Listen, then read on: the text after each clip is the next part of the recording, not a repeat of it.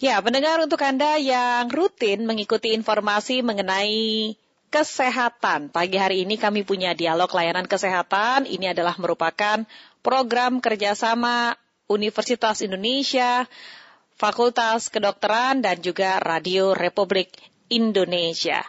Dan untuk dialog layanan kesehatan pada pagi hari ini, ini kita punya tema yang cukup menarik dan mungkin Anda juga harus uh, menyimak ya topik ini ya. Karena kalau bicara mengenai penyakit diabetes, ini adalah penyakit yang memang menghantui banyak pihak, banyak orang juga yang mungkin takut penyakit ini merupakan penyakit genetik atau turunan ya sehingga tingkat kewaspadaan kita untuk mengkonsumsi makanan yang terlalu manis, mengurangi gula, mengurangi karbohidrat dan sebagainya.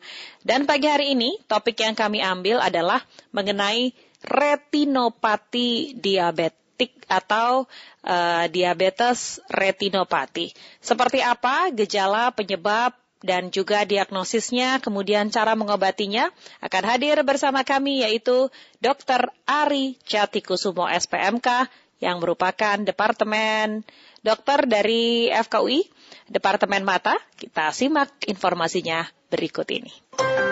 Dialog Layanan Kesehatan kerjasama Pro 3 RRI dengan Fakultas Kedokteran Universitas Indonesia. Selamat pagi, Dokter Ari. Selamat pagi. Iya, dengan Risti, Dokter. Salam kenal. Salam kenal ya dengan Dokter Ari di sini. Selamat pagi Bu Risti. Ya. Iya, Dokter Ari. Ini uh, kalau ngomongin diabetes atau diabetik ini mungkin banyak orang yang sudah tahu. Nah, tapi kalau ngomongin mengenai retinopati diabetik, ini katanya penyakit mata yang disebabkan oleh diabetes. Nah, seperti apa sih mungkin boleh dijelaskan terlebih dahulu, Dokter Ari? Baik, terima kasih uh, atas kesempatannya. Betul, memang uh, retinopati diabetik adalah salah satu komplikasi yang bisa disebabkan oleh penyakit diabetes atau diabetes mellitus. Mm -hmm. Jadi kita tahu dia, kalau penderita, uh, kita menderita diabetes mellitus itu itu bisa memberikan komplikasi ke multiple organ atau banyak organ ya, misalnya hmm. bisa ke hmm. jantung, bisa ke ginjal seperti orang jadi uh, harus cuci darah dan bisa ke otak misalnya stroke hmm. dan tidak terkecuali ke mata dan mata ini ada bagian-bagiannya dan yang paling sering terkena oleh gangguan diabetes adalah uh, apa yang kita kenal sebagai uh, retina. Uh, apa itu retina? Retina itu adalah bagian dari mata yang uh, saraf mata ya, ya fungsinya kurang lebih seperti kalau saya suka ibaratkan mata kita itu seperti kamera. Mm-hmm. Jadi uh, mata kita itu konsepnya sama seperti kamera. Jadi yang yang bersifat yang ber uh, apa yang berperan sebagai film di kamera itu diperankan oleh uh, retina saraf kita itu. Mm. Nah, yang terjadi pada penderita diabetes itu adalah terutama adalah gangguan pada mikrovaskular. Mikrovaskular itu artinya adalah pembuluh darah-pembuluh darah yang berukuran kecil, mikro gitu ya. Yeah. Yang, yang bisa kita temukan di ginjal, di otak, di jantung juga. Nah yang terjadi juga di uh, retina kita, di mata kita tersebut.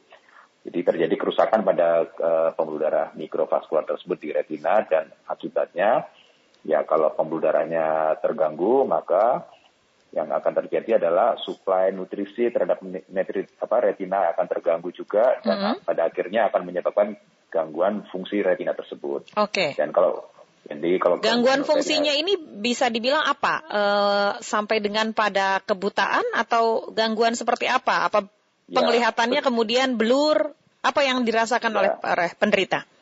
Ya, jadi uh, uh, kalau sudah sampai terjadi gangguan fungsi retina, ya bisa terjadi gangguan penglihatan mulai dari yang ringan sampai mm -hmm. yang berat. Mm -hmm. Kalau yang berat di mata apa ya kebutaan bisa terjadi dan kebutaan itu bisa bersifat permanen. Jadi itu hal yang saya rasa harus diperhatikan oleh para penderita diabetes jangan sampai terjatuh pada kondisi tersebut. Mm -hmm. Oke, okay. nah. Yeah Berarti artinya kondisi ini memang harus menjadi kewaspadaan pada saat uh, mereka yang uh, terkena diabetes ini gula darahnya tinggi ya? Betul, betul. Oke. Okay. apa yang bisa ya? Jadi semua penderita diabetes harus aware terhadap masalah-masalah uh, kesehatan uh, tubuhnya secara umum dan tidak terkecuali uh, uh, mata kesehatan matanya. Oke, baik. Nah, boleh disampaikan mungkin dokter, kira-kira mereka yang beresiko selain karena gula darahnya tinggi, apa siapa-siapa saja nih yang beresiko terkena retinopati diabetik? Uh, terutama ya pada mereka yang menderita diabetes ya yeah. kita tahu diabetes itu ada yang tipe 1, tipe 2, mm -hmm. terus ada diabetes pada kehamilan ya. Jadi pada mm. mereka yang hamil tapi ada ada ada latar belakang menderita diabetes itu juga harus jadi perhatian juga karena mm.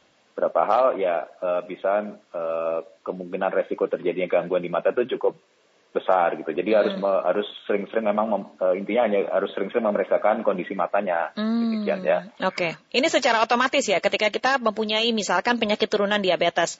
Artinya yang ya. harus kita periksakan selain kadar gula darah kita adalah uh, kondisi mata kita begitu. Betul, betul. Oke. Okay. Gejalanya kentara atau kelihatan tidak sih di awal-awal, dokter?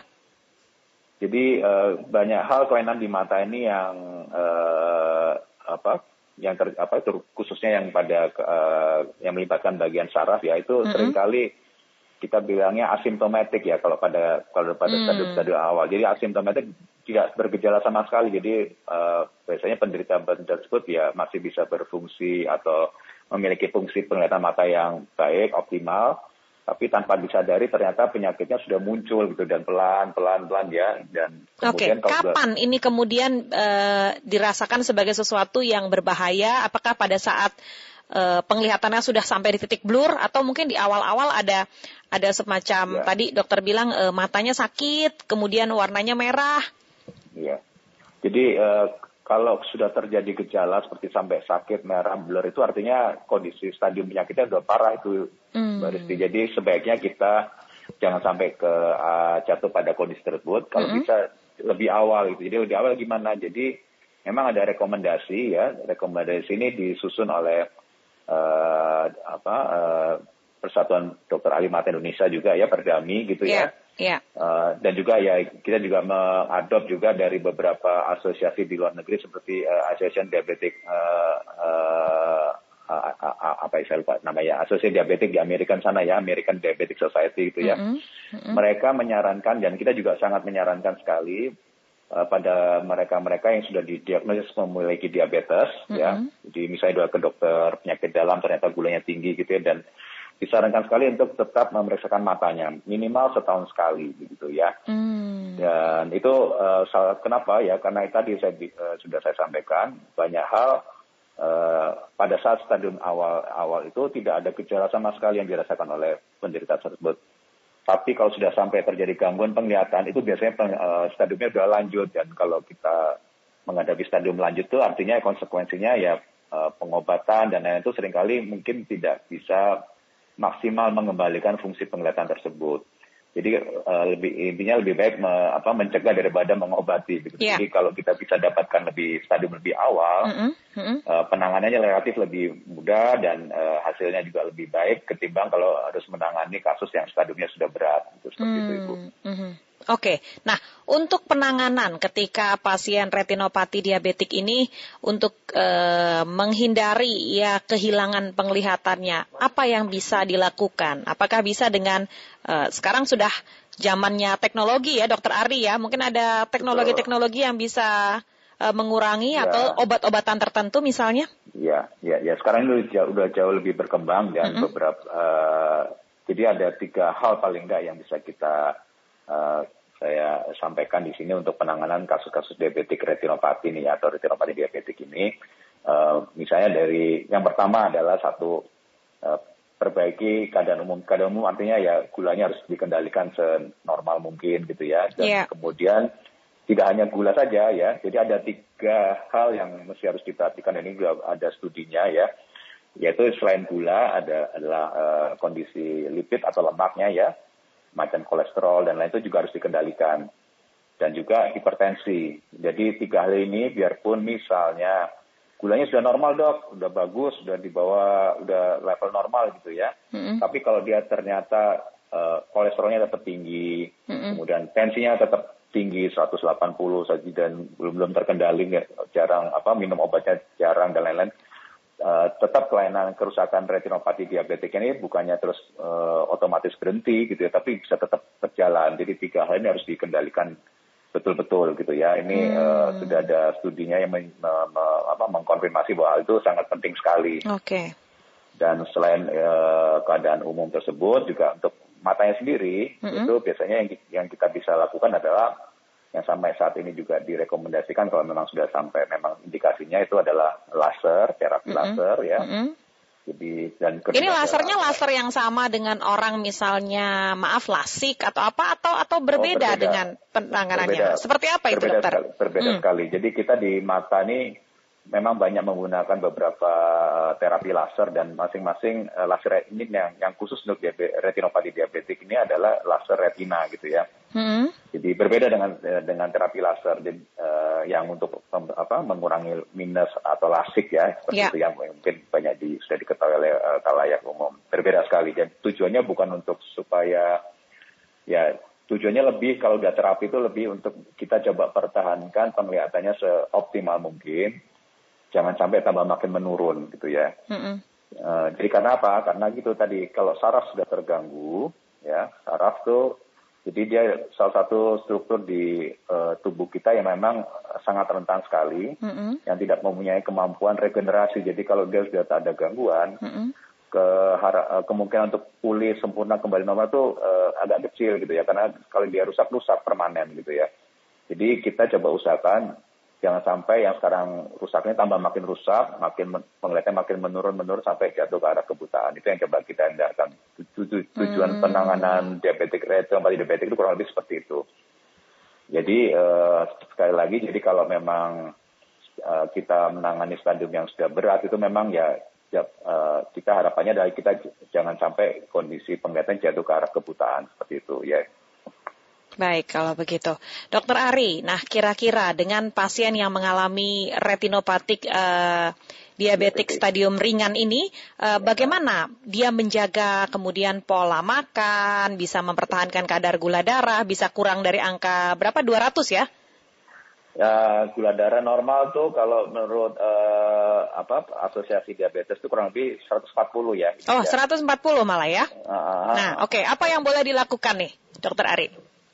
Ya tetap seperti saya bilang tadi penderita atau mereka yang apa menderita diabetes harus harus rajin ya mm -hmm. kontrol cek gulanya mm -hmm. uh, ikuti saran uh, gizi ya yeah. makannya harus diatur dan juga exercise jadi ada tiga itu pokoknya yang penting yang CLT ingin saya tahu ya uh, minum obatnya harus teratur terus uh, asupan gizinya harus dijaga tidak boleh sembarangan seperti dulu lagi gitu ya dan kemudian olahraga exercise itu harus dilakukan gitu ya dan untuk matanya sendiri ya harus rajin kontrol gitu. Biasanya kita ada ada ada beberapa kiat gitu ya. Jadi ada stadium lah. Tadi seperti saya bilang tadi ada di retinopati diabetik itu ada stadium ringan sedang berat dan ada yang jatuh ke, ke kondisi yang proliferatif yaitu sangat berat sekali gitu ya. Nah kalau pada setiap pada pemeriksaan ke misalnya ke dokter mata oh ya uh, Anda memiliki retinopati diabetik tapi stadium ringan. Biasanya kalau stadium ringan hmm. uh, tajam tajam penglihatan dan lain itu masih uh, normal gitu ya. Oke, okay. oh begitu ya. Kan karena hmm. terganggu. Hmm. Tapi tetap biasanya uh, kita akan menyarankan tetap kontrol aja ya, hmm. ya uh, rutin cek minimal setahun sekali. Hmm. Ya. Tapi kalau sudah jatuh ke moderate atau yang sedang atau yang berat itu biasanya tergantung tuh bisa tiap tiga bulan sekali harus cek atau enam bulan sekali harus cek gitu ya harus lebih lebih lebih sering gitu ya tapi kalau dia ringan biasanya cukup setahun sekali dan disarankan untuk kontrol gula darah kontrol yang seperti saya bilang tadi ya kolesterol dan uh, hipertensinya juga ya hmm. dan untuk obatnya apa ada khusus obat untuk mata tidak ada sih ya sebenarnya yang khusus untuk mata jadi yang penting perbaiki keadaan umumnya jadi uh, systemic factornya seperti okay. tadi yang saya sampaikan. Hmm. Hmm. Oke, okay. nah uh, ketika ada pertanyaan ini dokter ya dari masyarakat juga, rokok sama alkohol ini juga akan bisa menambah uh, kadar gula darah menjadi lebih berbahaya tidak untuk mereka yang uh, menderita diabetes? Uh, kalau rokok mungkin enggak, tapi rokok kan mempunyai efek toksik ya, dan salah satunya juga bisa uh, uh, men-trigger ya. Uh, men-trigger juga mm -hmm. membuat kerusakan, misalnya dia juga bisa menyerang ke retina okay. mata kita, jadi bisa memperberat Baik. gitu ya, ya. Uh. Baik, gitu. kalau begitu. Mungkin ada lagi yang disampaikan ke masyarakat, dokter? Uh, untuk ya. kewaspadaan ya. uh, retinopati diabetik ini? Ya, betul. Ya, ya perlu diketahui juga oleh masyarakat khususnya di Indonesia ini. Jadi Indonesia ini uh, salah satu uh, urutan lima ke teratas beberapa saya juga agak lupa untuk menderita diabetesnya. Jadi cukup besar gitu ya. Dan uh, diabetes mellitus ini akan ber uh, konsekuensinya itu tadi bisa ke mata, bisa ke ginjal, bisa ke jantung, bisa ke otak juga ya, di stroke seperti itu. Nah, untuk mata ya tidak ada lain seperti saya bilang kalau Anda sudah menderita diabetes ada baiknya tetap lakukan pemeriksaan juga sekali ke dokter mata ya, okay. minimal setahun sekali. Pokoknya ya, harus konsultasi begitu ya dokter ya? Betul, untuk dicek secara keseluruhan, betul. Baik. Ya. Dokter Ari, terima kasih untuk penjelasannya pagi hari ini. Mudah-mudahan bisa menjadi kewaspadaan bagi kita semua ya, mencegah retinopati diabetik. Selamat pagi, salam sehat selalu dokter Ari. Salam sehat, terima kasih. Dr. Ari Jati Kusumo SPMK dari Departemen Mata Fakultas Kedokteran Universitas Indonesia dan Anda yang mungkin tadi memiliki banyak pertanyaan ya mengenai bagaimana pasien diabetes dan sebagainya, mungkin kita akan sambung di kesempatan lainnya ikuti selalu dialog layanan kesehatan. Demikian dialog layanan kesehatan kerjasama Pro 3 RRI dengan Fakultas Kedokteran Universitas Indonesia. Acara ini bisa Anda dengarkan setiap Senin sampai dengan Jumat pukul 9.30 waktu Indonesia Barat.